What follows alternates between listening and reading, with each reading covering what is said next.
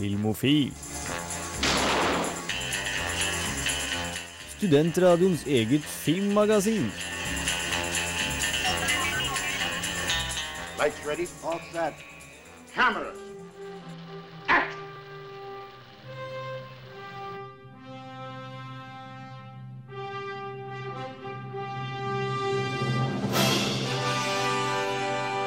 Filmofil er i det supre hjørnet denne torsdagen her på Radio Revolt. Mitt navn er Jens Erik Våler. Med meg i studio Kristian Wallevann. Hello! Hello! Føler du deg super? Jeg føler meg veldig super, faktisk. Nydelig. Gaute Eliassen, Hello. føler du deg super? Ja, ganske super. Hva med deg, Kristine? Jo. Super gjeng i et supert studio i en super by. eh, og det er selvfølgelig en ganske super bakgrunnsmelodi vi har gående. Da kan vi kanskje gå videre til den ganske så supre konkurransen vi har denne uka. Du kan som alltid vinne to gratis kinobilletter til Trondheim kino. Og egentlig alt du trenger å si er hvilken superhelt forbinder du med denne musikken? Det burde være ganske enkelt. Jeg syns jeg har droppa en god del eh, hint utover.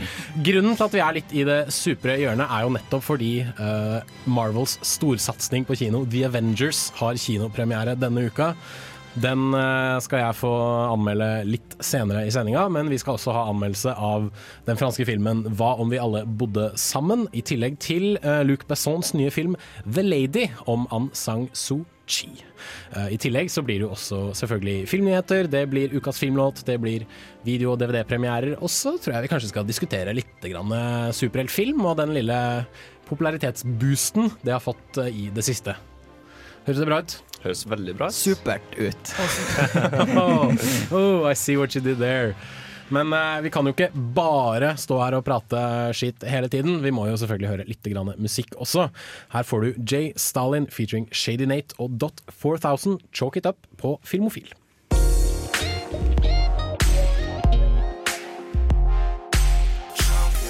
Get hot, I'ma cut my losses. Radio Revolt. Der var vi tilbake. Ganske brå slutt på den låta der. Du fikk uansett J. Stalin featuring Shady Nate og Dot Shady Nate, ikke Shady, shady, shady Nate. og Dot 4000 med Chalk It Up her på eh, Filmofil på Radio Rolt, hvor vi skal snakke om filmnyheter. Filmofil gir deg nyhender fra filmen og fjernsynets i spanende vær. Og eh, du Kristine, du har noe eh, bra nyheter om Pixar. Ja. Og Pixar liker vi vel alle å høre om. Ja, det er klart. Pixar er awesome. To, to nyheter fra Pixar. Den ene er at regissøren fra Toy Story 3 skal lage en ny film, og den skal eh, være enten basert på eller satt til eh, Dia de los Muertos. altså dagen til de døde i Mexico. Stilig, stilig. Så det kan bli en jævlig kul film. Så lenge det ikke blir en sånn Corpse Bride Ja, rip-off. det var det jeg tenkte med en gang. At, eh, men det, vi stoler på Pixar at de er bedre enn som så. Eh, den andre nyheten er at eh, Pixars dinosaurfilm Mm. har fått en tittel, og den skal hete The Good Dinosaur. Og det er rett og slett en film hvor, eh, vi, hvor de spør hva hvis dinosaurene aldri døde ut. Oh. Så det kan bli jæsklig kult. Men blir det, det blir ikke sånn Flintstones, da? liksom? Jo, jeg tror kanskje det, for det er noen bilder av en liten guttunge og en dinosaur ved siden av hverandre. Så hvis det er concept art, så Men, men er, det, er, det, er det Flintstones, eller er det Flintstones i moderne tid? Jeg, tror, jeg, jeg tenker kanskje det er vi, Hva ville ha skjedd hvis vi da Vokste opp med dine litt sånn, Jeg tenker sånn creationist-idé, da. At uh, vi rir på dem, kanskje. Jeg vet ikke. Ja, ja, hvorfor ikke? Eh, Men jeg håper litt bedre enn Flintstone, da. Ingen av dere som så jeg tror var barne-TV. Altså her serie om dinosaurer som på en måte levde i moderne tid og hadde jobb og bla, bla, bla. Det var sånn stop motion-opplegg, tror jeg. Hvis jeg ikke husker helt feil. jeg husker en serie som het Dinotopia eller noe sånt. Nå. Så sånn her, skjult verden der dinosaurene levde med menneskene, men ellers så Du har også den filmen som jeg tror heter They're Back, som er en herlig liten tegnefilm hvor de eh, dukker opp igjen. Ja, det var den, ja. Eh, Jeg, jeg er ikke noe fan av den, jeg. Men uh, Pixar lager dinosaurfilm som kan være som uh, Flintstones. Det tror jeg blir kult. Christian, fra, fra Pixar til, til, til Cannes. Til Cannes, det Hva, skal hva, vi. skjer, hva skjer i Cannes? Vel, uh, jurykomiteen har blitt Ah, annonsert, og stilig. der finner vi blant annet skuespillere Ewan McGregor og Diane Kruger. Um, og regissør Alexander Payne og Andrea Arnold. Mm. Uh, sammen med designer Jean-Paul Gaultier, som er litt underlig. Uh, jeg vet ikke helt hva han skal gjøre der, men uh, Jeg vet ikke helt hva han har med film å gjøre heller, men kanskje han har lagd noen kostymer? Ja, det kan jo hende, men ja, uansett. Det, det er flere i juryen, men det her er altså da et par av, par av Men, men det, er ikke noe, det, er noe, det er ikke noe info om hvem som skal være formannen? Eh, ikke som jeg har her. Eh, Det fins sikkert info om det, men uh. Ok, ok. Men det var iallfall deler av Cannes-juryen. Eh, Helt til slutt så har jeg en liten sak om Altså, vi vi har jo alle vært på kino, og så plutselig så drar han fyren opp foran deg. Han drar opp telefonen sin, og så begynner han å sende tekstmelding. Det er faen så irriterende, ikke sant? det lyset er jævlig irriterende. Ja. Og så er det noen som snakker, og så sitter de og tvitrer. Det er ikke ingen som sånn vil skit. snakke i telefonen under kinofilmen. Det er det! Det er masse folk som gjør det. De Plutselig ringer de. spent i trynet. Men nå er det. Nå er det diverse kinosjefer i USA som vurderer å faktisk innføre lovlig mobilbruk i sine kinosaler eh, rundt om. Eh, Det pågår noe som heter CinemaCon, som er sånn fagkonferanse i USA denne uka. Og da er det flere kinoer som sier at neimen, vet du hva, disse unge folka som lever ved siden av telefonen sin hele tiden, skal vi ikke la dem få bruke telefoner når de sitter og ser film. Så for liksom, I filmer som er basert på dem, da. Uh, det syns jeg er helt dritt. Det det er jo helt sikkert, men også vil ikke det også si at du vil jo da være i stand til å gjøre opptak og sånt? Altså, det kan du gjøre uansett, Ja, ja. for du har jo med mobilen, men Nei, men Det er for å tillate sånn, ja, teksting og sånne ting. da. Fordi eh, de mener det at uh, unge nå til dags de har såpass korte uh, attention spans at de bare kan fokusere på, på liksom, ting i sånn 30 sekunders intervaller. Da. Så Derfor må de kunne trekke opp telefonen og spille ting. Uh, men min store helt, Tim League i Alamo Drafthouse, sa nemlig, eller hadde nemlig dette å si da, på denne diskusjonen, om denne diskusjonen.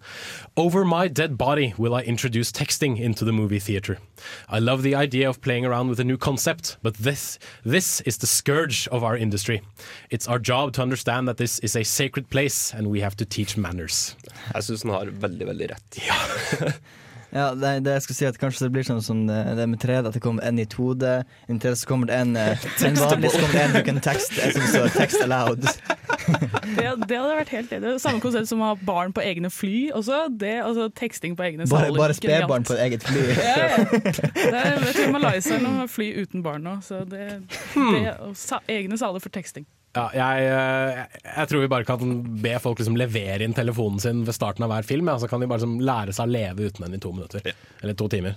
Det burde, jo- minutter. det burde jo ja, men det burde være uoverkommelig, er liksom mitt poeng, da. Det var vår første runde med Filmnytt, men vi har en eh, liten runde til vi, før vi fortsetter på kinopremierer. Men eh, først skal du få Kari Harneshaug med 'Eat My Words'.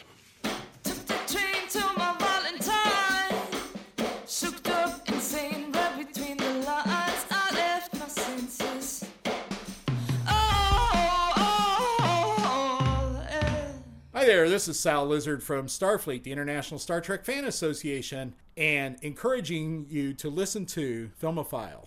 Tusen eh, takk for det, Sal Lizard. Du fikk Kari Harneshaug med It's My Words' her på Filmofil på Radio Rolt, hvor vi har en ny runde med filmnyheter. Filmofil gir deg nyhender fra filmen og fjernsynets i spanende verden. Så slenger jeg ordet over til eh, deg igjen, Kristine. Ja, jeg har en uh, liten castingnyhet til Iron Man 3. Oh, kult. For forrige uke så var det jo uh, Ben Kingsley Ben var Kingsley, ja. ryktet. ryktet. Ah, yes. Ikke offisielt. Men nå er det offisielt i hvert fall at selveste Guy Pearce skal være med. Han liker vi. Han liker vi i nesten alt han gjør, tror jeg. Og han skal spille eh, Nå kan ikke jeg så mye om mytologien her, men han skal spille Aldrich Killian, som er da den, han som finner på nanoteknologi og sånne ting. Eh, for de som er litt uinnvidd, så kan jeg nevne at eh, Iron Man 3 er basert på en tegneserie av Warren Ellis som heter Iron Man Extremis. Der han får en eh, drakt som egentlig bare består av masse, masse sånn nanoroboter. Som på en måte som bare pst, spretter ut av huden hans, og så får han drakta på seg. Dritkult. Eh, og eh, som sagt, da, han Aldrich Killian er han som finner opp disse nanorobotene, som Tony Stark kjører inn i blodet sitt. Stilig. Ja, men uh, kult. Uh, Guy Pearce er jo for så vidt med i en eh, film som heter Lockout, som kommer om ca. en måneds tid. Hvor han er en uh, fange som blir sendt av gårde til et space prison for å redde presidentens datter. Um, Escape from New York, much, kanskje. sånn ut. In space. In space. Men jeg tror det blir bra. Han er uh, veldig festlig. Men uh, dette er kult. Uh, Iron 3 ser ut til å bli en veldig stilig, stilig film. Absolutt. Så vi håper at den klarer å leve opp til både eneren og toeren. Eh, fra en stor film til en veldig, veldig stor film. For uh, godeste Peter Jackson har vært litt framme i uh, filmmediene i det siste, og har vist fram bilder fra selvfølgelig Hobbiten, som er under innspilling. På dette CinemaCon som er i Las Vegas, som jeg nevnte i stad. Um, og ja, mottagelsen på disse bildene han har vist, er ikke så helt fantastisk. Jeg synes det er veldig underlig med tanke på hvor bra 'Ringenes herre gjorde. Ja, egentlig. men greia er at fordi han, eh, han har doblet bildefrekvensen i filmen, så han filmer ikke i 28 bilder per sekund, men 40 Nei, 24 bilder per sekund, men 48. Og det er for å liksom gjøre eh, Det han sier da, er at å skyte og vise film i 48 frames per second gjør mye for å bli kvitt liksom, eh, 3D-problemer og sånne ting. da. Det ser mye levende ut, og det er mye lettere å se på, sier Peter Jackson. Eh, Men ut fra hva jeg har hørt og hva jeg leser på nettet, så er det disse sveipende kameraføringer over newzealandske landskap. Det ser jævlig bra ut, men med en gang du ser menneskelige bevegelser, du ser menneskelige ansikt, så får folk denne reaksjonen. Herregud, en heks! Bend den! skrev filmbloggeren Filmdrunk.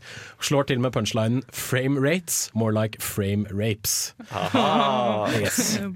Uh, og um, Slashfilm kan også nevne at uh, endringen fra 24 bilder i sekundet til 48 bilder er enorm. Det gjør at alt ser helt annerledes ut. Bevegelsene, tonen, alt er annerledes. Det så ut som en TV-film fra BBC. Det så ut som når du skrur på settingen for oppkonvertering til 120 hertz på LCD-TV-en din. Det så kompromissløst ekte ut. Så mye at det så falskt ut. Så nå er jeg veldig spent på om Peter Jackson fortsatt skal gjennomføre denne 48 frames per second-ideen sin, eller bare gå tilbake sånn som det egentlig var. Ja. Stakkars fyr. Det er ikke lett å si. Men uh, vet du hva, jeg krysser fingra. Peter Jackson vet som regel hva han gjør, uh, så vi får bare håpe på det aller beste. Det var det vi hadde av filmnyheter for eh, denne gang. Når vi eh, fortsetter, så kjører vi i gang med ukas kinopremierer. Men aller først LP, The Full Retard. You Never Go, The Full Retard. Pump this, pump this, pump this, pump this. So you should pump this shit like they do in the future.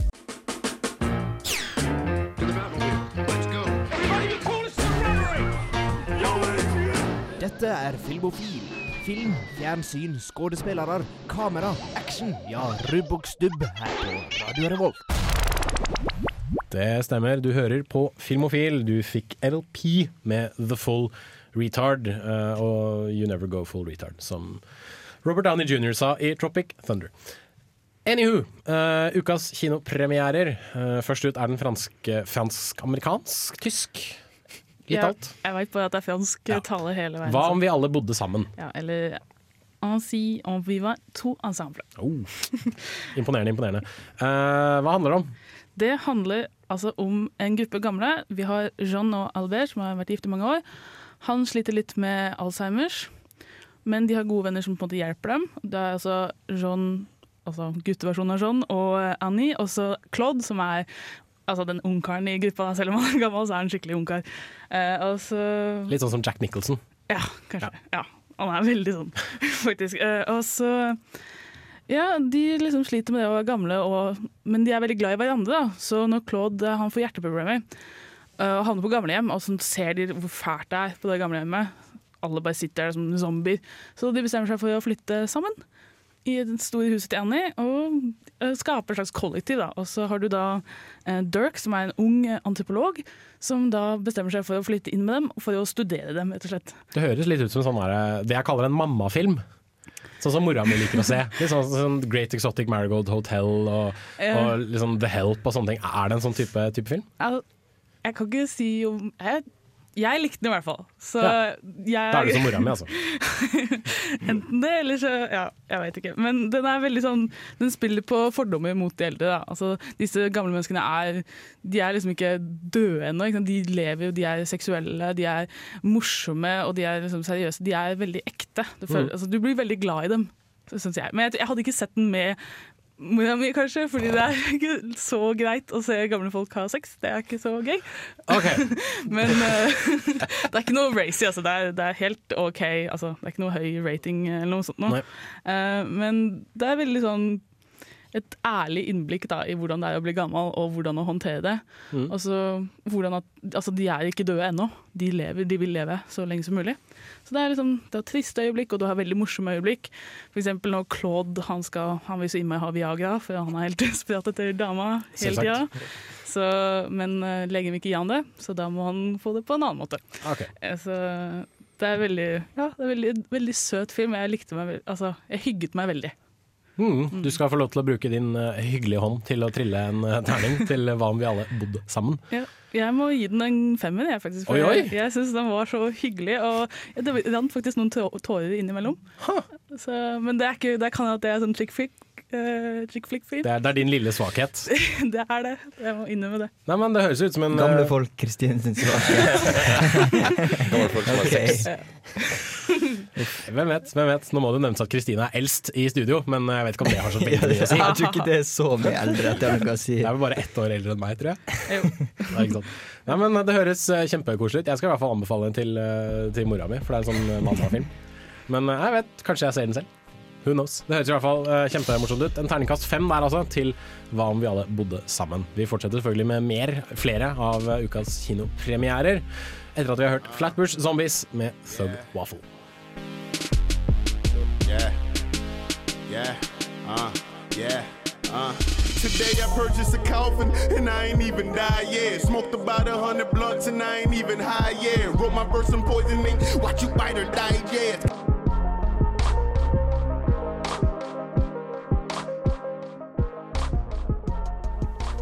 Flatbush eh, Zombies med Thug Waffle på, fikk du på Radio Rolt FM 100 106,2. Programmet du hører på er selvfølgelig Filmofil. Vi snakker om ukas kinopremierer, og du Gaute har vært og sett litt eh, animasjonsfilm. Ja, fransk animasjonsfilm, faktisk. Fra fransk live action til fransk animasjon. Ah, ja, det var det også. Ja, det handler om en uh, katt i Paris, da. Ja, og den har jo både jeg og Christian sett Ja, tror- i oktober i fjor. Ja. Men den, dere så den på Ramaskrik, men nå kom den ut på vanlig kino. Ja. Det er jo en barnefilm først og fremst om en uh, liten jente og, og katta hennes. Eh, jeg vet ikke om hva den handler mest om, egentlig. Men katta er i hvert fall eh, Når på natta er den en medhjelper til en tyv. Ja. Så den lever to liv. Ja. Og hun jenta, hun jeg vet ikke, hun er mest hjemme med hushjelpen, nei, hva- barnepasser eller noe sånt, for mora jobber mye, hun er politi, Mm. og jobber ta en skurk som drepte faren, eh, og faren til dattera, og også mannen til eh, kona. Mm. Eh, ja, hva som skjer mer? Nei, det Det er er, bare vel, det er vel egentlig det, og så samles jo alle disse Ja, trådene til slutt, da, at uh... Hun følger etter katta en natt, og så går hun til han tyven, som egentlig er en veldig OK kar. Han, er, han stjeler bare Han stjeler ikke, han gjør ikke skade i folk, han stjeler diamanter, klokker, sånne der små stæsj, bare. Mm. Og så eh, Men så De der han Skurken som eh, drepte faren, da, Mm. han er også i byen, for han, han skal stjele et sånt der kunstverk som han har lyst på overalt i verden. Og det fører til at Hva det fører til? Katta og skurken og datteren Ja, og det blir mora alle de Det blir sånn sammensurium. Sammensurium. Og så, ja. Men eh, det er egentlig ikke så viktig. Det vil si at uh, For jeg gidder ikke å forklare hele handlinga. Folk må dra se den. Det er jo det. Og uh, jeg syns eh, For det er en barnefilm. Det her er en sånn typisk film som alle kommer til å like, vil jeg si. Mm. Den eh, var absolutt Jeg så den på fransk, da, med engelsk undertekst, så jeg fikk på en måte den ekte autentisiteten også. For de ikke skjønner det franske språket, men Mm. jeg føler at da blir det mer ekte, siden stemmene og alt passer perfekt. Mm. Som kanskje dere ikke gjorde. Dere Nei, vi fikk se den på norsk. ja, sant, så jeg er glad jeg fikk se den på fransk, da. Og jeg syns animasjon er helt fantastisk. Eh, Det er veldig kult. De har masse sånne små elementer som gjør den eh, Som skiller seg ut, da. Sånn blant fra sånn animasjon vi er helt vant til. Mm. Og eh, det, jeg flirte. Jeg, jeg syns det var spennende. Og den er veldig kort. Den varer bare en time. Ja, Så det er, sant, det. fort gjort å se den og bare ha en liten kosefilm. Perfekt. Det passer kanskje greit for de som kanskje har litt yngre barn, som Ja, ikke er vant med å sitte stille i en kinosal i en Mm. halvannen time, to timer. Men jeg vil påstå at den kanskje er litt for skummel og spennende for de ganger, også. Men, men allikevel, så jeg, jeg mener litt det at så lenge man tar barn seriøst Mm. og liksom ikke, ikke snakker ned til dem, så kan de tåle det aller meste. Men det er jo litt sånn derre Men den er litt, litt litt for skummel for de Ja, aller, minste. Den er, den har jo, den, den, det er jo skyting, den, og det er Det er drapstrusler. Ja, ja, det er jo masse sånn der. Det er det som er temaet. Så. Men det fører jo også til at den blir litt spennende for de voksne også. Mm. Så det er sånn en blanding med det der. Men jeg syns absolutt den er det var en eh, god film. God animasjonsbarnefilm. Terningkast? Jeg vil gi den en femmer, jeg også, faktisk. Oi, det er I eh, høye karakterer Ja, nei, i dagens synes, eh, eh, filmofil, foreløpig i hvert fall. Alt, alt bare klaffa, liksom. Det jeg ventet i en barnefilm. Det var, det var fint å se på, det var morsomt, handlinga fungerte helt bra, og ja. Alt var Det var ingen, ingenting sånn kleint og Eller litt sånn avslutning, men det er jo barnefilm, da. Det så- lages fortsatt god animasjon og ikke minst Ja. god barnefilm, Ja. tydeligvis. Vi må bare vekk fra USA for å få det. Ja. Ja. Ja, men eh, Ta unga med og se En katt i Paris. Eh, vi har jo sett den før, men vi likte den jo, vi og Christian. Vi Ja, ikke det? absolutt. Mm, Bare se den heller på fransk enn Eller Ja, jeg vil tro det. ja, den kan jo ses på norsk også. For de minste vil kanskje se den på norsk. Ja. Men uh, en god film allikevel, med god animasjon, som nevnt. Vi uh, gamper videre, vi, med Woodland, The Devil On Your Shoulder.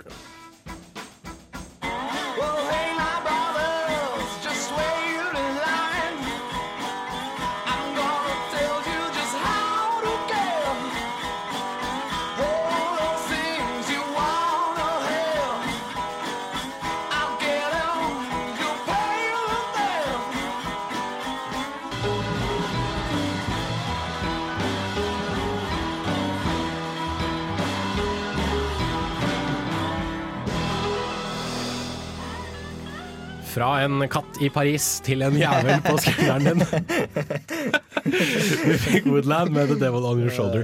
Den replikken stjal jeg fra Gaute mens, han, mens vi satt og snakka under, under låta. Og spurte ikke om tillatelse for å bruke den. Nei, nei, nei. Copyright. Copyright. Du må si det tre ganger før, uh, før du eier det. OK, sorry. Da, da hadde du Ja. Ja. Ja. Og eh, fra djevelen på skulderen din til The Lady. Ha! Eh, Luc Bessons nye film eh, er en uh, biografisk eh, fiksjonsfilm om uh, Aung San Suu Kyi, som uh, har sittet i husarrest i x antall år i Burma, og nå har blitt valgt inn i parlamentet, er det ikke det? Jo. Jo. Eh, noe sånt noe. Den har i hvert fall Kristine tatt en kikk på, så her kommer hennes anmeldelse.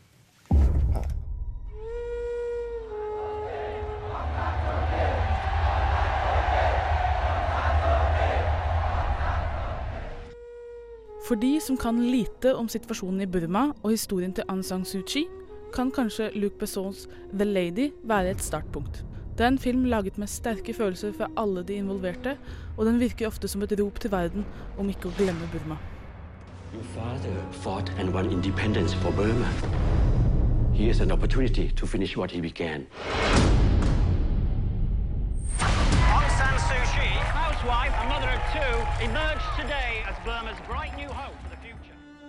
The Lady følger ikke bare tittelrollen, selv om vi begynner i hennes barndom med drapet på hennes far, general Aung San.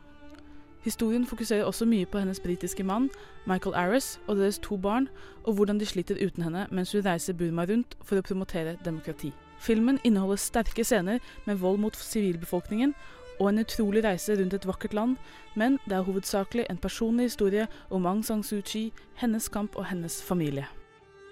Luke still no sign that the Burmese military will release Aung San Suu Kyi. We, her family, are denied any contact with her whatsoever. Luc Besson er for meg best kjent for sine dritbra actionfilmer som The Fifth Element og Taxi-filmene. Og sånn sett er det ikke overraskende at det er scener med litt action som virkelig fungerer for meg. Det at det er en ekte historie gjør det hele utrolig urovekkende å se på, men det er også derfor den er viktig å se. Hele filmen er bra laget, selv om jeg noen ganger føler at det burde blitt gjort litt strengere valg. For noen vil kanskje synes at filmen kaster et for stort nett, og at hoppingen frem og tilbake mellom Burma og England ikke helt fungerer. Aung San Suu Kyis historie er absolutt viktig å fortelle, men ekte liv er aldri lett å stappe inn i velfungerende narrativ. For en som er i hvert fall litt opplyst om saken, kan over to timer bli litt langt. We have always shared a common dream for Burma. I have always considered it to be the very thing that bound us. Every day brings new atrocities. They were picking people up and taking them away. Where are they taking them?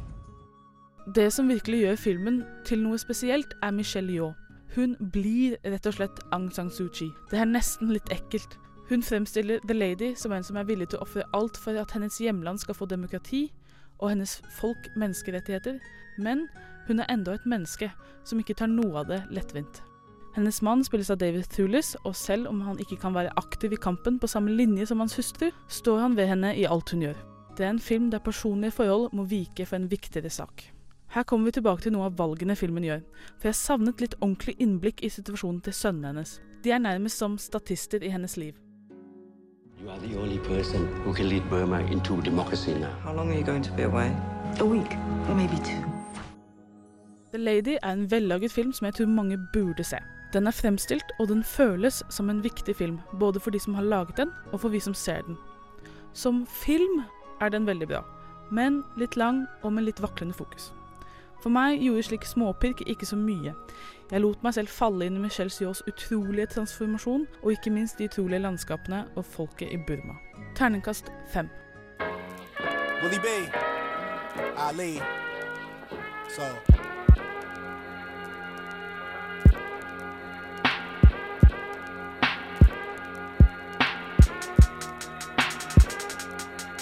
all my niggas doing drugs. Fucking hoes are showing. Look at dress at your dress. Don't be soft, son. Show some love when you see a thug getting Peter bread and put the meaning to your head. You hear what I said. So.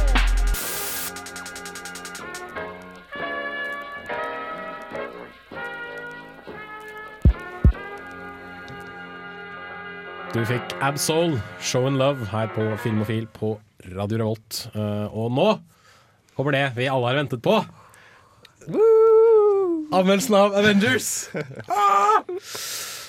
Uh, ja. Marvels superhelter uh, slår seg sammen. Endelig. Uh, Nei, jeg, jeg mister ord, jeg, altså. Jeg har gleda meg til denne filmen i flere år. Det vet jeg Kristina har også. Hun kommer til å stappe fingrene i ørene, for, han, for hun nekter å høre på hva jeg har å si om eh, filmen.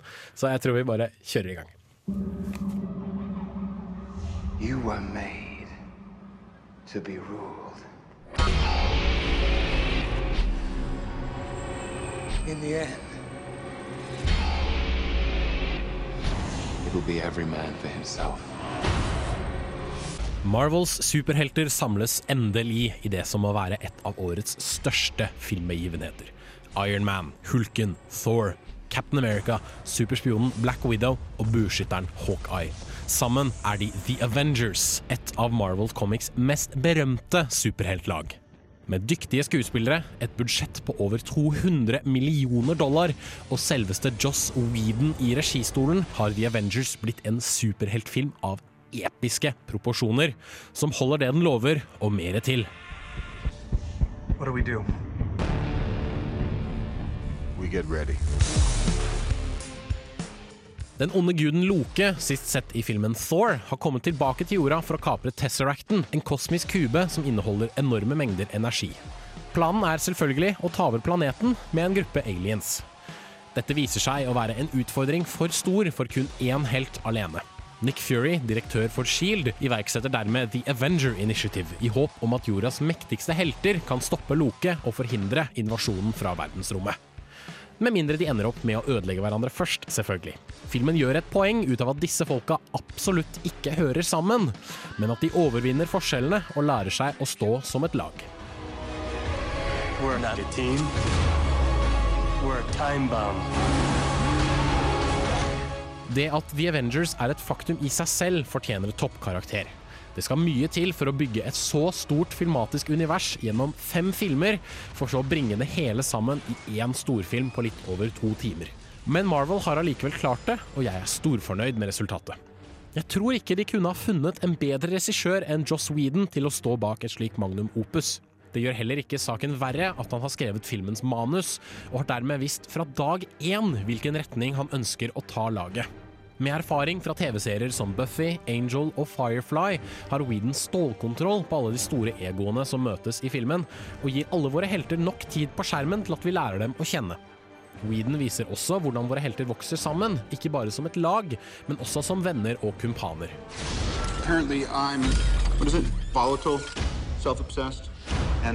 Well. Skuespillerne i filmen kjenner rollene sine såpass godt at det knapt trengs regiarbeid. Robert Downey jr. får det beste av Whedons karakteristiske snappy og tørrvittige dialog, mens Chris Evans fortsatt er troverdig som den litt naive, men allikevel mektige Captain America. Chris Hemsworth er teatralsk som alltid i rollen som Thor, og vi får endelig en troverdig og mentalt torturert Bruce Banner takket være Mark Ruffalo. Sammen utgjør de en utrolig sjarmerende gjeng helter. Det er mye å holde styr på, men det blir aldri forvirrende. Whedon vet hvor viktig det er å bygge troverdige figurer, og det gjør han med en mesterlig hånd. Det viser seg også at Joss Whedon er en ganske habil actionregissør, selv i stort skala. Det store slaget mellom hele Avengers og Lokes styrker er et av de kuleste jeg har sett på film i år. Man mister aldri oversikt over hvor noen befinner seg i løpet av den klimaktiske kampen, og alle heltene får vise seg fra sine beste sider. Det ga meg en enorm indre glede å se Thor og Captain America slåss rygg mot rygg på gatenivå, mens Hulken og Iron Man hamrer løs på flyvende aliens. Alt sammen i én eneste tagning. This is nothing we were ever trained for.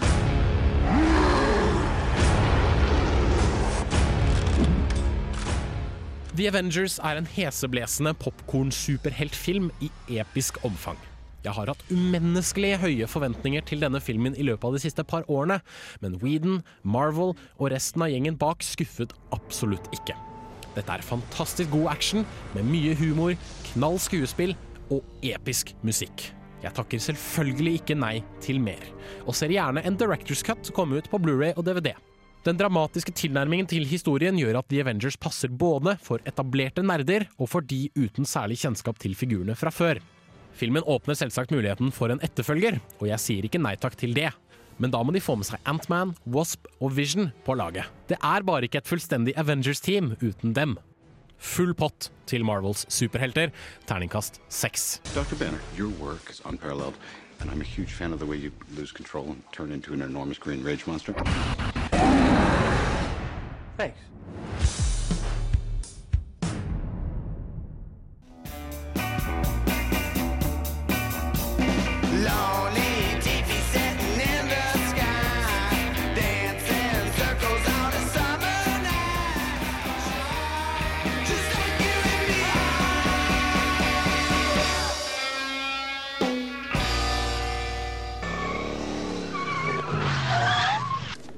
My calculations are correct.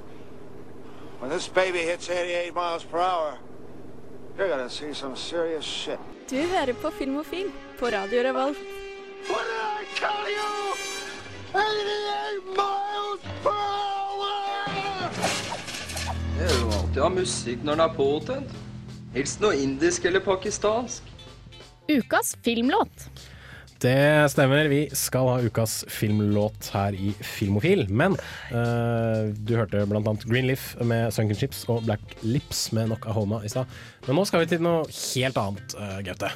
Ja, noe helt annet, men ikke så helt annet. Fordi at uh, vi har jo hatt en litt sånn super sending så langt med litt superheltgreier og uh, litt Marvel-greier, så jeg trengte å fortsette på den trenden og ta en låt fra Iron Man 2.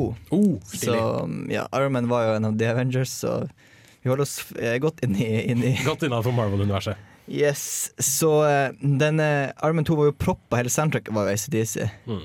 Så det var egentlig bare hvordan låt å Hvilken låt skal man velge?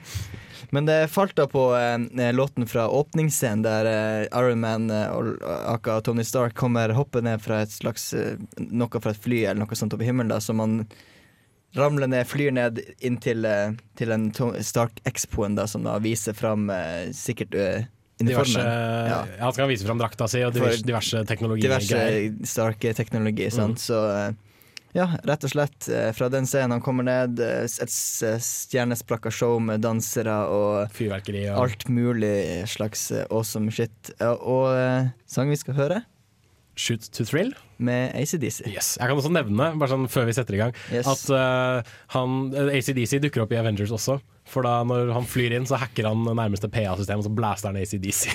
okay. Uansett, her har du ACDC, Shoot to Thrill, ukas filmlåt på Filmofil.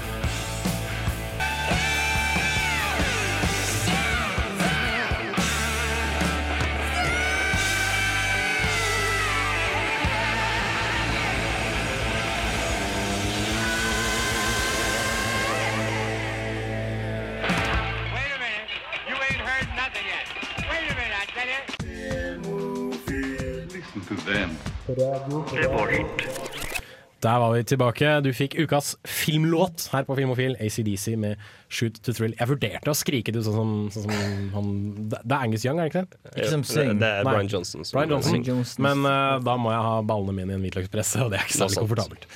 Uh, vi ruller videre med Videonytt. Nytt i videohylla. Rykende ferske digitalfilmer som du kan ha i din heim. Og det er utrolig mye som kommer ut på video denne uka. Jeg tror kanskje det er en av de beste ukene i løpet av semesteret. Ja visst søren, men hvorfor er det egentlig? Vel, Universal er jo 100 år eh, Ja. i år. Mm. Så de slipper noen av sine beste filmer Ja. på Blu-ray og DVD. For å tjene litt penger. Ja, det vil jo selvfølgelig. Vi nevner i fleng Eight Mile, American Graffiti, Animal House, Apollo 13, Back to the Future, Casino, Inglorious Bastards, Inglourious Bastards, Gladiator, King Kong, eh, Big Lebowski, Big Lebowski Ray, uh, Shakespeare in Love, Born Identity, Born Identity, Uh, Scarface. Scarface, The Breakfast Club, The Fast and the Furious. Ja, det er ikke så bra, men um, Bridget Jones' Diary. The Deer Hunter. Og, og, og jo, og uh, The Blues Brothers. Ja. Blues Brothers. Og Born on 4th of July også. Den tror jeg nevnte. Ah, okay, greit. Ja. Absolutt alle verdige filmer å se på, på Blu-ray og DVD, vil jeg tørre påstå. Ja. Ja da. Eh, også stilig å se, som du burde løpe ut og kjøpe, er The Girl with the Dragon Tattoo, den amerikanske versjonen av David Fincher. Uh, den ga jeg en femmer da den hadde kinopremiere. Du har sett den du òg, Kristine. Hva Ja. syns du? Absolutt en femmer. Ikke noe tvil der. Nei, det er bra. Tream sesong to på DVD og Blu-ray. Er det en god TV-serie? Noen som har sett det? Ikke sett det. Ikke jeg heller. Uh, The Mask er ute på DVD, Awesome. uh, vet jeg. Det er litt eh, Looney Tunes-DVD-er ute, og så er det litt sånn ymse Jeg vil, ting og tang. jeg vil gjerne ta fram en film som jeg så under um, Kosmorama nå. Uh, Killist. Ja! Jeg ga den en femmer. Jeg syns den var Vet du hva, den, blodig underholdende. den rakk jeg ikke å se, men jeg hørte at det var en sånn skikkelig skikkelig godfilm som man burde se. Ja, absolutt. Så den, eh, den plukker jeg opp på DVD. Storymessig sånn, så er det litt sånn løse tråder her og Mhm. der, men det, det er virkelig god underholdning. Hardt slående. Den skal jeg plukke opp på DVD i løpet av uka, tenker jeg. Uh, noe mer noen ønsker å nevne før vi går videre? Nei. Tror vi har nevnt det viktigste. Ja.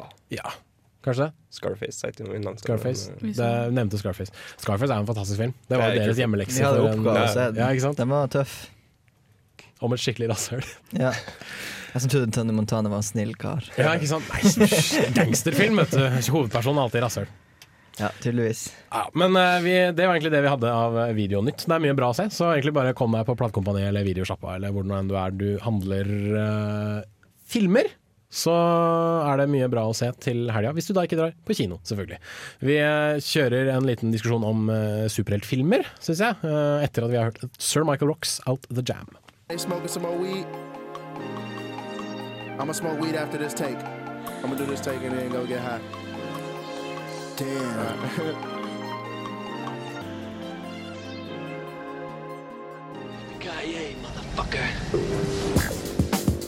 Du lytter til Filmofil på Radio Revolt. Besøk oss gjerne på våre nettsider på radiorevolt.no filmofil. Der finner du meldinger av kino- og videopremierer, og i tillegg podkast av alle våre sendinger. Har du ris eller ros, tips eller triks, kontakt oss gjerne på elektronisk post. Filmofil, krusedullalfa, radiorevolt.no.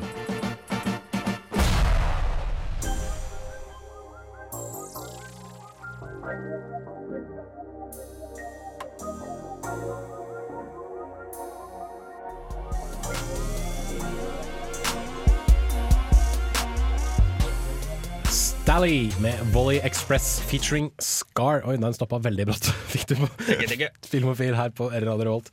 Anywho. Uh, Superhjørne, diskusjon om superheltfilm. Uh, jeg elsker det. Kristine elsker det. Gaute liker det. Du Kristian liker det ikke. Jeg er ikke sånn stor fan, altså. Hvor, Eh, hvorfor ikke, egentlig? Jeg tror det Den største faktoren var nok Spiderman-filmene av de jeg har sett. Jeg syns de var bare teit, rett og slett. Og så, mm.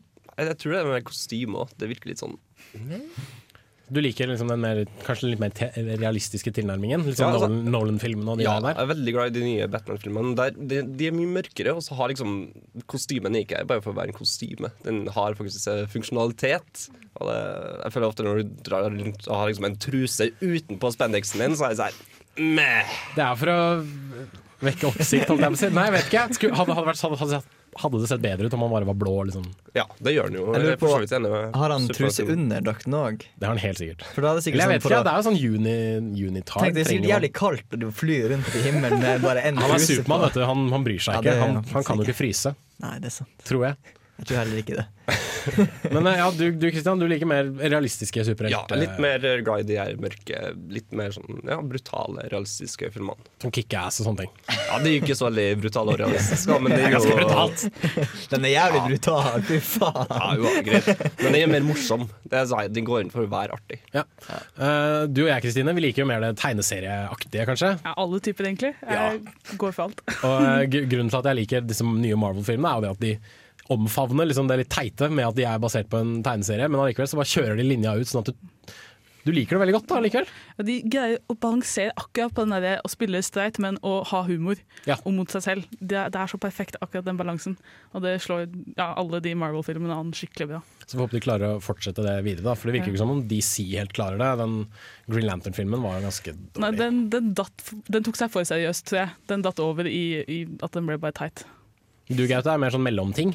Ja, jeg- Mellom oss, liksom det, det tre, trekanten Ja, jeg som står kanskje rundt her. det leddet der. Som jeg har ikke, omfavner ikke alt av alt. For jeg er ikke sånn som tegneseriefreaks og sånn der. Men jeg har alltid vært eh, glad i superhelter og generelt filmer. Har du en favoritt-superhelt?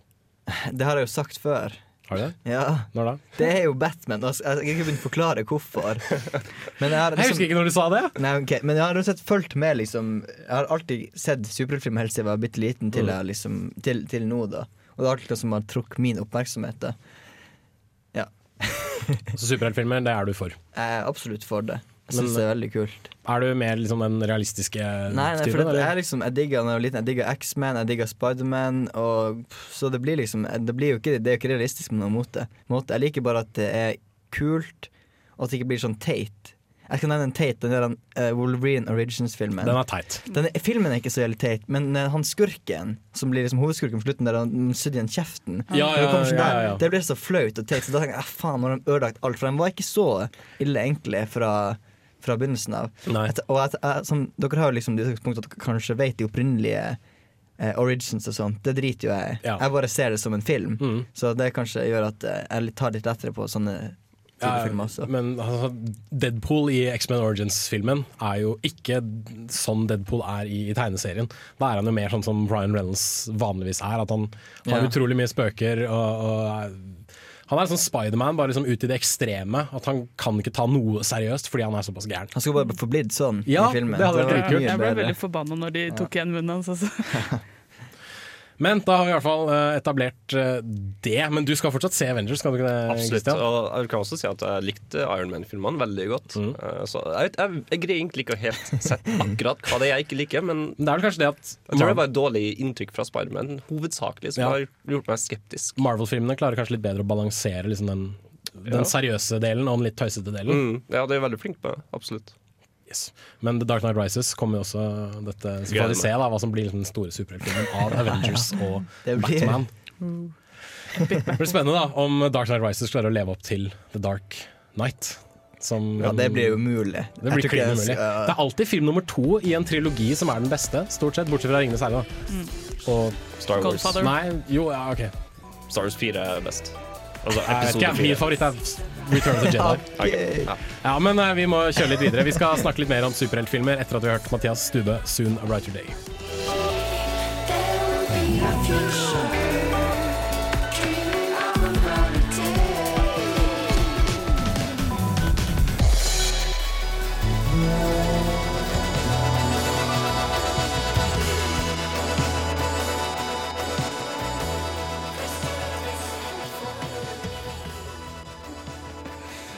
Mathias Stube der altså. 'Soon a Brighter Day' på Filmofil på Radio Revolt. Uh, vi har diskutert litt uh, superkrefter vi kunne tenke oss uh, i løpet av låta her, og vi kom egentlig fram til noe som helst. Vi kom fram til at det er hverdagslige kref det, er, det er noen krefter som er gode å ha i hverdagen. Ja. Sånn som å fly, Uh, løpe veldig fort, Uh, kunne lese en bok bare for å ta på den. I hvert fall vise meg studenter. studenter. Og da selvfølgelig huske på den, huske den kunnskapen. Og, uh, sånn telepati og sånt noe. Jeg likte Gaute sin eh, lyn ut av tissen. Ja, men den er- går gjennom Det er ikke så veldig Men hvordan er det praktisk? Hvordan er det praktisk? Kanskje hvis du er vedhugger, så bare sing! Så, så har du høgd et tre. Stå der og bare sånn jokke på treet. Sånne der hoftebevegelser. Ja, jeg vet ikke. Ja, ellers er det jo ikke så praktisk. Faktisk. Nei. Det ser eh, fett ut. Kristian, en superevne som du ville våkne opp med i morgen. Jeg skal ta den ultimate superevnen, Mm. og det er å velge hvilken superevne jeg vil ha. Så du bare kan trekke ting ut av ræva di når du vil? Ja, jeg kan bare si at ah, nå har jeg lyst til å fly. Men det er ikke, det er ikke lov å si sånn her. Det er jeg har ha alle teit. Det er tusen ønsker. Ja, det er akkurat det det er. Sånn, nei, jeg skal ha 1000 ønsker når du får tre ønsker. Aha, ok, greit Hvis jeg da skal velge én, eh, det må mer, være mer i et praktisk hjørne. Og... Nei, Vær kjapp. Det, jeg tror det hadde gjort seg. Vær skikkelig, skikkelig noen Sonic-kjapp. Ja. Du må Men spise da- mye, mye burger, da. Da hadde du hatt problemet med at alle andre ville vært jævlig treige, så du ville kjeda vettet vett ut av deg. Godt poeng. Godt poeng. Så ikke sant? For, for enhver medalje er det en bakside. Ja, det Ja. Noen flere gode forslag? Jeg har eh, kommet på en ting. Jeg ville være sykt Ikke tiss ut av ly- ikke lyd ut av tissen, Nei, nei. Sykt rask, rask å lære meg til. Ting, Tilegne meg nye evner. Altså lære meg å spille gitar, eller ikk- hvis jeg ikke kunne det, da. Sykt, Ta to timer, dritgod. Bam, ferdig. Mm. Sant? All, og gjør sånn der. Spille fotball, to timer, dritgod. Litt som han i. Limitless. Limitless. Filmen sett? Limitless, hvor han tar en sånn dop, og så plutselig bare pff, funker hjernen hans sånn dritbra. Men da kan han liksom sette seg ned foran et piano, og i løpet av en dag Mm. så lærer han å spille piano. Ja, men da kan jeg liksom velge sjøl hva jeg ville blitt Ja, god i. Og så Mm. kunne jeg brukt det til å bli supermenneske og Ta ta over verden. Kristine. Eh, jeg, da jeg var liten, så hadde jeg den ideen at jeg ville kunne bli ett med enhver uh, gjenstand eller materie. Oi. At for eksempel, Hvis jeg ville komme meg på toppen av et fjell, så kunne jeg bare gå inn i selve fjellet og bli stein, og så kunne jeg på en måte bevege alle molekylene mine med dritkjapt hvor jeg ville gjennom denne tingen. Ok. Du skjønner? Litt liksom gå gjennom vegger, sånn som Ja, Kitty bortsett fra gjør. mye mer komplisert, da, for at jeg ikke bare kunne gå gjennom veggen, jeg kunne gå i alle retninger. måte. Kunne du blitt okay. vann og sånn, da? Sånn at Ja, du kunne gått til Amerika dritfort? Ja, ikke sant? Jeg kunne bare bli i Ah. vannet og så bare sj- igjennom. Eh, og så da kunne jeg for eksempel ja, Istedenfor å bare måtte gå til for eksempel, Hvis jeg skulle være skurk, da, gå til bankhvelvet og så bare gå rett gjennom, så kunne jeg liksom bare gått eh, utenfor selve bygningen og bare blitt ett med veggen, og så kunne jeg finne meg sakte ned til bankhvelvet og så liksom titte gjennom og sjekke og sånne ting. Det høres ut som du har tenkt veldig lenge på det. Jeg hadde en stor greie da jeg var liten. Jeg skulle, jeg Har du hatt lite å gjøre som barn, eller? Ja, tydeligvis. Å, nei, jeg, jeg klarer ikke å bestemme meg. Jeg, er sånn, jeg kommer til å bli sånn kjedelig greie. Men jeg er litt på den Gaute sa, med å kunne tilegne seg Ja. ting veldig fort. Men jeg tror bare det å kunne kopiere andres evner hadde vært kult. Uh, men, og da selvfølgelig beholde det og kunne liksom trekke det fram når man ville. Men også uh, teleportering. Ah, Det er mye bedre enn min. Teleportering Men bare sånn teleportering dit jeg, dit jeg kan se, eventuelt rom jeg kan huske. Men liksom innenfor en, en viss grense, sånn à la Nightcrawler. Da må du lage bedre film enn Transporter By. Altså. Da, du får ikke lov til å lage dårlig biopic. Er det mener Jumper? Ja, Jumper er det. Ja. Tra Ja, ikke den- Transporter. Det er. Transporter er Jason Ja. Statham. Jumper, den, den. Jumper er teit, men uh, teleportering det tror jeg er en kul, kul evne å ha. For, eh, til, både til det gode og det onde. Men det kan skje feil, tenker jeg. med teleportering. Plutselig så har du teleportert deg opp i ja. lufta, eller sånn der crazy, så dør du når du Det, Ja, min kraft fikser det, ikke sant? Ja, men, sant, men, men det man også må tenke på, er at hvis du f.eks. sitter i en bil, og den bilen kjører skikkelig fort framover, og så teleporterer du mens Ja, du sitter i bilen, så også. fortsetter du jo framover mens du Ja, teleporterer. Så, der, ja. Så, kommer, så når du da lander et sted, så fortsetter du å rulle bortover fordi du sitter liksom i en sånn I en sånn 90 km i timen. en bil som, da, som du har nettopp gått ut av. Du kjører jo alene bort denne veien. Ja, superkrefter. Det er gøy. Men jeg tror eh, vi kan vel kanskje legge super, eh, supertingene litt eh, Vi må nesten, ferdig for denne gang. Eh, vi skal anbefale litt TV-serier, Kristian. Ja, det skal vi. Og så har vi kanskje en konkurranse å trekke fra forrige uke. Det har vi også. Vi har to kinobilletter å gi ut. Eh, og så skal vi jo avrunde før eller siden også. Men uh, før det så spiller vi litt Jake Clar med I'll Be Tonight her på Filmofil på Radio Revolt. Og nå, nå skal vi ta det litt ned. Vi har vært veldig opprømte, veldig entusiastiske. Nå er det bare å puste litt rolig og ta det helt med ro. I'm going now before the sun starts setting. And I'll be coming back when there ain't no mistaking. For I'll be knocking at your door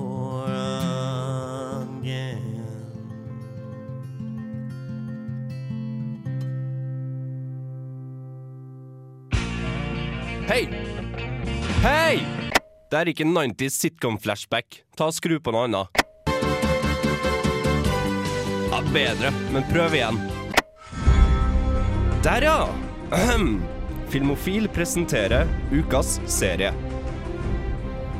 Yes, og Christian, du skal presentere ukas eh, serie Det denne skal uka. jeg. Eh, I dag så har jeg tatt med en uh, animasjonsserie fra HBO som heter for The Life and Times of Tim. Som handler om The Life and Times of Tim. Som, ja. hvordan går det med Tim? Det, det går bra av og til, og av og til går det ikke så bra. Han havner i veldig mye underlige situasjoner, av og til pga. seg sjøl, og av og til pga. andre. Eh, Jeg har med et par klipp. Eh, Det første klippet skal få er fra den første sesongen, eh, episode én. eh, Der kjæresten til Tim kommer hjem med foreldrene hennes, som Tim ikke har møtt før. Mm. Og hun finner da Tim i leiligheten sin med ei hore. Oh, what a weekend. I mean, a three day cruise, and now we get to see your place in New York, honey. I personally am excited to meet Tim, the boyfriend. Oh, yes, the boyfriend, my Guys. little girl. I hope you like him. Oh, I'm sure we will, sweetie. He sounds positively delightful. Tim, What? Oh, Amy. Well, I thought you guys were coming in tonight. who is she? Who? This woman? Yes. Or that woman? That's No. your mother, I assume. Who is she? Oh, my name's Debbie. It's Debbie. Yeah. Uh, it's, I'm sitting with Debbie. And what is Debbie doing here? She's an electrician. Oh. That's what she does for a living. An electrician. Yeah. So let's just, uh. Are you why- a prostitute? Oh, no. What's happening? Th- Now, now you crossed the line. I don't allow that kind of language in this home. What a mouth. What do you do? I am a self employed person. But occasionally I do give a $10 BJ. $10 BJ? $10 BJ. What's that? You know what? I What does that I'm phrase mean? sick. You should know. What does BJ stand for? I can't oh. believe you got a prostitute I'm not while familiar. we're on a cruise. Let's, you know what? Let's change the subject. How was the cruise? Der, der har du da en smak på en av de mange situasjonene som Tim greier å havne i. Dette er jo tydeligvis en animasjonsserie for voksne. Ja, absolutt. Eh, jeg har to klipp til. Eh, de henger på en måte litt sammen. Uh, denne episoden er også fra eh, første sesongen, og da handler det egentlig rett og slett om et bachelor... eh, nei, jo, hva heter det? Bachelor party. Utdrikningslag. Utdrikningslag. Eh, som en av eh, kollegaene til Tim skal ha. Så det klippet skal få nå, er liksom invitasjonspraten, da. Hey, Rodney, everything good? Yeah, man, hanging large, you know what I mean? Uh, ki- kind of. Good, good. Hey, you know, Timbo, I've, I've kind of always considered you to be one of my closest friends, man. Closest. Yeah. We've never spoken outside of the desk area here, you know. Still, you get to know a guy when you make small talk and whatnot. You know what my last name is? No idea. Anyway, I want to invite you and Stu to my bachelor party. You're getting married. Yeah. To who? Oh, dude, some broad. okay. broad? So here's the deal. The party is gonna just be boom, fantastic. I rented out a club. It's gonna be 20 guys, 20 strippers, and bam, a midget. It's gonna be a midget at the party. I know, a midget, man. You know what I mean? That sounds crazy. Rodney, Rodney, Alan, what's up? I'm 4'11, all right? 4'11. I'm happy to come to these parties of yours, but please stop telling people I'm a midget, man. Alan, dude, you are a small guy. It's just like. It's ignorant and hurtful. Come on, dude. I'm 4'11. Both yous needs to get ready to party Rodney style. You know what I mean? I don't, but uh. Chicks and midgets. Bam! Chicks and midgets. Yes. Det er opp, det er oppskriften på en god fest. Absolutt. Og det blir en bra fest. Nei, det, det, det er det som er så gøy. For det blir ikke en bra fest. Det er kun Tim og så to av kollegaene hans som møter opp. Og det kommer ingen strippere og ingen dverger, og de har en eh, skikkelig lusen DJ.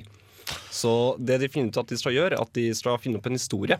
Ah. Som gjør at de andre kollegaene blir misunnelige for at de ikke kom. Eh, Så det er egentlig det neste klippet dreier seg om. Da. Det er den ene kollegaen til Tim som sier han skal finne opp en historie. Så når Tim kommer på jobb eh, neste dag, så får han vite hva som ha, på det, ikke Hva som har blitt funnet på. Ja, hva som har blitt funnet på. Hey, boss. Uh, I wanted to clear something up with you. Yes, Rodney, go. You're not going to believe this, but there was a misunderstanding between you and me earlier. Oh? It's crazy. Tim wasn't raped by a bum. He, he, he wasn't raped. No, I, I thought I made this clear, but he, he actually bought drapes for a bum. Dr- drapes. Mm-hmm. I bought. You bought drapes for a bum. Yeah. I did. I bought drapes. I um. He left the party and and I and- just cut out and went to Bloom Bloomingdale's. I don't believe you. You don't believe? No, I, I don't believe either of you. Okay. Okay. Look, What Ro- happened? Rodney. What? It's very noble of you to try and cover for Tim, but uh, the reality is, a bum stuck his penis inside of Tim. That much has been established. No, It's that's clear. Let's not lock that down just Tim, yet. It's been established. Please stop this, saying No, that. it's true. It happened. That did not. He bought drapes. The details of it. Tim, I'm sending you to Human Resources Really? for some mandatory counseling. Counseling. Counseling. Marie, Don't bother, Marie. I'm sending Tim down your way. Because he was raped by a bomb last night? Exactly. All right. Wow, word word travels fast. Please. It never happened. Well, the that- event did not take place. Tim, you're in denial. I'm going to need to call the cops right now. No, no. Tim, Don't Tim, call them. Tim, it's Omnicorp policy. Omnicorp has a policy on bum rape. My hands are tied. As I'm sure yours were. I'm sorry. You should not be the HR lady. Oh, You really should not. Yeah. Så her var jo historien det at uh, Tim hadde blitt voldtatt av en uh, uteligger. Uh, og det som skjer videre i episoden er også jævlig gøy, for vi må ned på politistasjonen for å identifisere den uteliggeren. Og for å gjøre eh, opplevelsen mer realistisk, så må uteliggeren ta av seg klærne og ta på Tim og så videre og så videre. Så ja. Det høres jo umåtelig kleint ut. Det er skikkelig kleint. Det er, det er så kleine Men, men er, er, er, det sånn, er det sånn The Office og klovnkleinhet? At du blir, sånn, du blir flau av å se på det? Er det bare at Nei, det, det er morsomt? Det er bare morsomt, rett og slett. Det er ikke sånn, man blir ikke flau, det blir man ikke. Man bare blir paff for at det går an å være så Å havne i de her situasjonene, rett og slett. Det minner litt om en annen uh, animasjonsserie for, for voksne som heter Archer. Har du fått med deg den? Nei, det har jeg ikke. Det er litt sånn samme type humor med en del sånn ja, veldig dumme mennesker som blir satt i situasjoner de, ja, som blir satt i situasjoner de absolutt ikke bør være i, og så prøver de å finne på, på, på, på ting. Og noe sånt som denne 'Raped by a Bum'-historien. sånt noe kan dukke opp i Archer også. Ja, okay. Ja. Men uh, Life and Times of Tim det går jo faktisk på norske TV-skjermer Uh. Ah. På uh, Max, denne underkanalen til TV Norge, som er For menn! For menn. Ja, det anbefaler jeg absolutt alle å se det, for det er På- skikkelig moro. På lørdager klokka 17.50. Men er, det, er dette lange episoder? Er det bare sånn korte Nei, det er sånn type 20 minutter Ja, ish. typisk animasjonsserie. Absolutt. Nei, det høres jo sinnssykt morsomt ut. Nå har jeg lyst til å gå hjem og prøve å se på det sjøl, egentlig. For eh, jeg liker jo animasjonsserier. Og Mm. ikke minst, det er kult med animasjonsserier for voksne, som liksom er noe annet enn bare South Park. Ja, det er veldig sånn spesiell tegnestil også, veldig sånn sketchy, på en måte. Okay. Eh, Så det er stilig. Stilig. stilig. Og så er det jo HBO, da. Og det er jo stort sett, i hvert fall, kvalitet. Absolutt. Eh, jeg vet ikke om det finnes noen eksempler på en HBO-serie som ikke har vært god. Nei, det, Nei, jeg kommer ikke på noe. Hmm. Either way, uh, The Life and Times of Tim uh, er vår serieanbefaling. Hvor mange Mm. sesonger er det av dette her? Det vet jeg faktisk ikke. Jeg har bare skjedd uh, første sesongen, Mm. eh, så det kan jeg ikke uttale meg om. Det høres i hvert fall ut som kjempegod underholdning. Det det. Yes. Vi eh, gamper videre før vi trekker en konkurranse fra forrige uke med Advance Base Summer Music.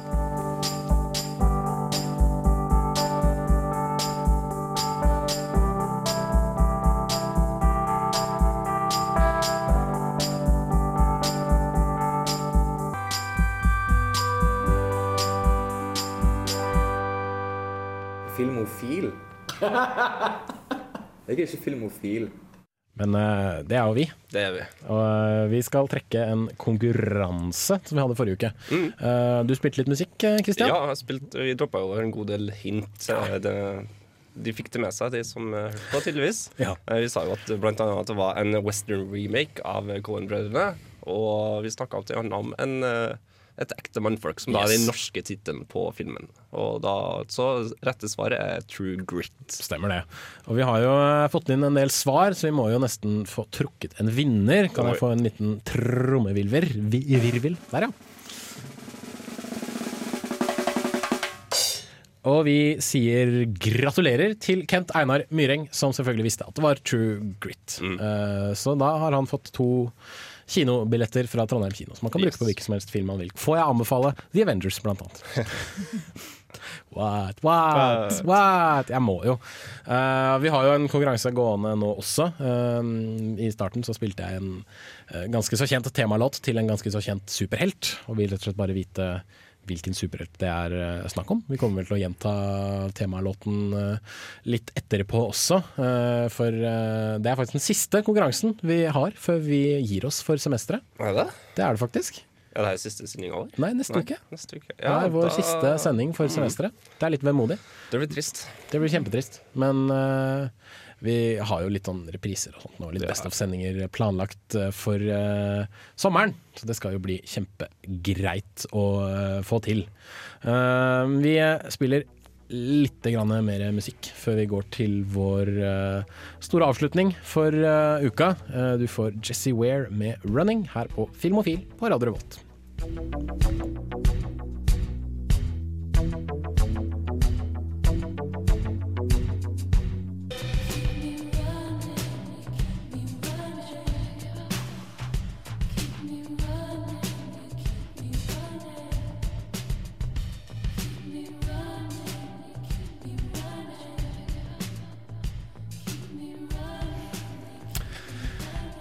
Du hører på Filmofil på Radio Rolt. Jesse Ware med 'Running'. Og jeg står og Jeg løper ikke på stedet, jeg står og sånn, spretter litt opp og ned og gjør litt armbevegelser. Men Filmofil begynner å løpe tom for tid. Der kom det! Hva som kom? Det er min humor. Vi løper tom for tid. Ja, Running. også running. Vi spilte 'Running' med Jesse Ware, og vi løper tom for tid. Jeg ser ikke connection. Du Men du har nå drept den punnen, så Mission Just, accomplished. just call me the pun killer. The pun-isher. Ai, nå får du ta i, det. Det passer i Marvel-temaet. Two for two, bitches! Og Ah, faktisk. kjempebra passa det. får vondt i sjela. Ja, men som sagt, vi begynner å løpe tom for tid, og eh, vi kan ta en aldri så kjapp eh, oppsummering. Hva har vi sett på kino i dag? Eh, kanskje vi kan bo sammen? Hva om vi alle bodde sammen? Det er, en- det er en film alle- som er på kino. Ja, det er Ja. en fransk film som er på kino, og den er veldig søt og hyggelig. Jeg Den fikk en ternekast. Fem. Yes. Uh, en katt i Paris, Gaute. Jeg slengte en femmer på barnefilmen der. Stemmer det. Eh, The Lady, Yes, Kristine. Den fikk også en femmer. for Oi, Den er, veldig, den er veldig viktig, tror jeg å se. Kanskje ikke kjempebra filmatisk men jeg tror den er verdt å se. Hmm. Veldig høye karakterer i Film og Filmdag, for jeg ga jo selvfølgelig Avengers terningkast seks. Eh, dritkul superhelt-action-popkornfilm eh, som jeg anbefaler alle å se. Eh, ukas eh, serie var jo selvfølgelig The Life and Times of Tim. Eh, veldig morsomt. Det er vel egentlig det. Men jeg må jo nesten nevne denne, eh, dette, denne konkurransen vi har gående. Eh, for eh, vi spiller et eh, litt velkjent superhelttema, som høres sånn cirka sånn ut. Komponert av selveste John Williams. Eh, enda et hint der, altså. Uh, jeg leverte en X-Fil-eksamen til denne låta, og Jeg tror ikke folk får så mye hjelp ut av det. Nei, men det å levere en eksamen med denne på øret, det har aldri føltes så episk før. Og bare sånn Yes, nå var jeg ferdig for sommeren. Vær så god, takk og farvel. Så jeg skal begynne å gjøre husarbeidet med den her i bakgrunnen. Ja. Ja, den forbedrer egentlig alt Jeg i skal kunne hverdagen. sitte på do med den her. Da føler jeg konge, ass. Bare yes! Å, gud a meg! Oi, Hvorfor er sånn humor fortsatt morsomt? Nei, jeg vet ikke. Det er morsomt. Uansett, eh, send riktig svar på spørsmålet Hvilken superhelt forbinder du med dette, denne musikken? Til filmofil at radiovolt.no. Eh, selvfølgelig navnet ditt og telefonnummeret ditt, alt mulig sånt, så kan vi kontakte deg og si om du har vunnet eller ikke i vår siste konkurranse for semesteret neste uke. Eh, for vi må jo ha litt eksamenstid, vi også, vi som er studenter, og alt det greiene der. Tøft liv. Du er jo snart ferdig, du, Kristian. Er. Masterstudent og greier. Yes. Skal det bli godt? Det skal bli veldig, veldig godt. Så du flytte. Ja, jeg skal flytte til Bergen. Men uh, vi blir her en stund til, eh, Ja. både Gaute og Kristine. det? Det er kjempe, kjempegøy. Ja, uh, superhelter. Vi liker dem. Noen liker å hate dem. Nå ser jeg på deg, Kristian. Nei, nei, jeg hater dem tuller. ikke. Vi har konvertert Kristian i løpet av denne sendinga. Han, har- han har kommet på sjøl. Jeg liker faktisk superhelter, jeg. Noen Liker noen av dem. Ja. Det gjør jeg. Liker Batman. Ja. Batman er alltid kul. Ja. Ja. Åh, uh, men uh, vi må jo fortsatt slå i hjel litt grann tid, for vi har litt grann mer tid å slå i hjel. Uh, jeg kan jo begynne å si at mitt navn i dag har vært Jens Erik Våler. Det er det fortsatt. Du sier alltid 'har vært'. Det er Mitt navn er fortsatt Jens Erik Våler. Jeg har fortsatt hatt med meg Kristian Valeland Yes. i studio. Gaute Eliassen. Kristine Eriksen. Eh, dagens tekniker har vært Kjersti Anderdal Bakken. Tusen takk til henne for at hun sitter der og vrir på knotter og slider ting opp og ned, sånn som vi ikke kan. Resten av oss, eh, vi står jo bare her og snakker i det uendelige. Eh, La oss like oss på Facebook. Facebook.com slash filmofil. Alle anmeldelsene våre blir lagt ut på radiovolt.no slash filmofil. Eh, hør oss i Radioarkivet, der du kan høre all musikken vår. eh, eller altså, du kan høre sendingene med all musikk. Det er jo kult når du sitter her og hører på podkasten og tenker å, den ukas filmlåt, den var dritkult, den må jeg høre hele. Så kan du gå inn i Radioarkivet og høre på det. Uh, jeg skal gi meg nå, jeg. Det skal Filmofil også. Vi avslutter med Willis Earl Beale og Monotony. Uh, og husk på til Nei, jeg har ikke noe visdomsord fra filmens verden denne gangen. Altså. Er det noen som har noe? sikkert noen som har brukt før. We will avenge you, nei. nei. We will avenge you. There is no spoon. Uh, Nei, det we we have a hulk. We have a hulk. I have an army. We have a hulk. Ja. Vi eh, avslutter. Willy Searle Beale, Monotony.